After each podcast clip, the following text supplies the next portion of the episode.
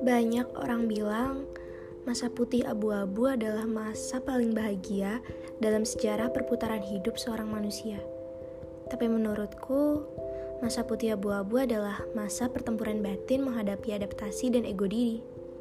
Selama melewati masa itu, aku juga dipertemukan oleh empat serdadu dalam perperangan kedewasaan ini.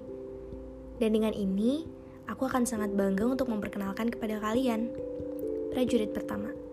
Talita Sada, berdarah Sunda Jawa, sosok yang selalu mengajarkan mengenai kerealitaan. Dia yang mengajarkan untuk selalu realistis dalam hidup. Secara nggak langsung juga ngajarin logika dalam menentukan pilihan-pilihan di kehidupan. Sehingga dia juga mengajarkan untuk selalu menjadi teliti dan waspada. Prajurit kedua, Deandra Maharani, berdarah Minang, Sosok yang selalu mengajarkan ketabahan dalam hidup dan selalu percaya pada diri sendiri. Dia juga yang mengajarkan bahwa usaha nggak akan pernah mengkhianati hasil. Prajurit ketiga, Rafaelia Zahara, berdarah Sunda asli. Sosok yang selalu mengajarkan untuk mendengarkan seseorang yang butuh teman bercerita. Dia juga yang selalu memberikan informasi dari berbagai sumber yang kredibel. Prajurit keempat, Angel Sianturi berdarah Batak, selalu mengajarkan untuk selalu menjadi sosok yang tegar di tengah derasnya ombak kehidupan yang terus melanda. Juga dia yang selalu mengajarkan untuk selalu berbagi pada sesama. Dan kemudian ada aku, prajurit kelima, Jawa murni tanpa campur.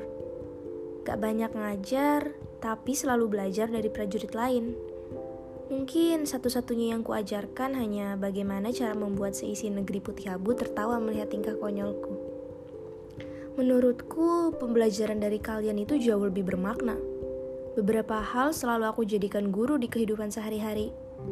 Entahlah, berada di dekat kalian selalu membuatku merasa aman.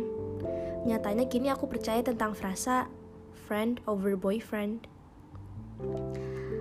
Ingat gak sih kalian pas pertama kali kita pakai seragam putih abu-abu ini?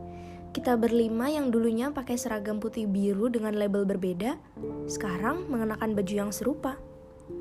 Ya, saat itu kita girang bukan kepalang dan gak henti-hentinya memperhatikan diri di depan kaca.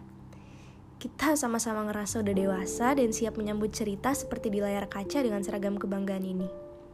Dan dengan kalian, aku benar-benar bisa tertawa lepas dengan candaan-candaan ringan sekalipun hanya hal-hal sepele dan hal norak sekalipun aja bisa menjadikan kita tertawa terbahak-bahak.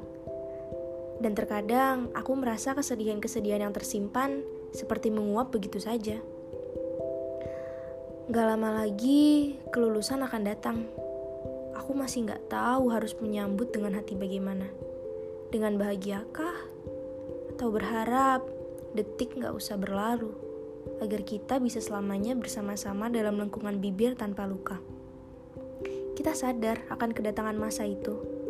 Masa di mana gak akan lagi kita pakai seragam putih abu-abu di pagi hari. Masa di mana gak akan lagi kita ke kantin bersama saat bel istirahat berbunyi. Dan masa di mana kita akan sibuk dengan kepentingan masing-masing. Gak lama lagi, kita semua akan memiliki jarak untuk bertemu. Gak lama lagi, kita semua nggak akan mungkin bisa bertemu setiap hari lagi, karena kepentingan kita masing-masing yang nantinya pasti akan berbeda. Aku harap kita masih akan saling mengingat satu sama lain. Kita masih saling peduli dalam jarak dan mendewasa dalam kebahagiaan. Dan semoga ketika kelak kita bertemu kembali, kita bertemu dalam keadaan berhasil. Dan apabila waktu itu telah tiba, Maukah kalian meluangkan waktu berharga kalian sejenak untuk saling bersuah demi berbagi cerita dan mengulang masa muda untuk sejenak melupakan tanggung jawab orang dewasa?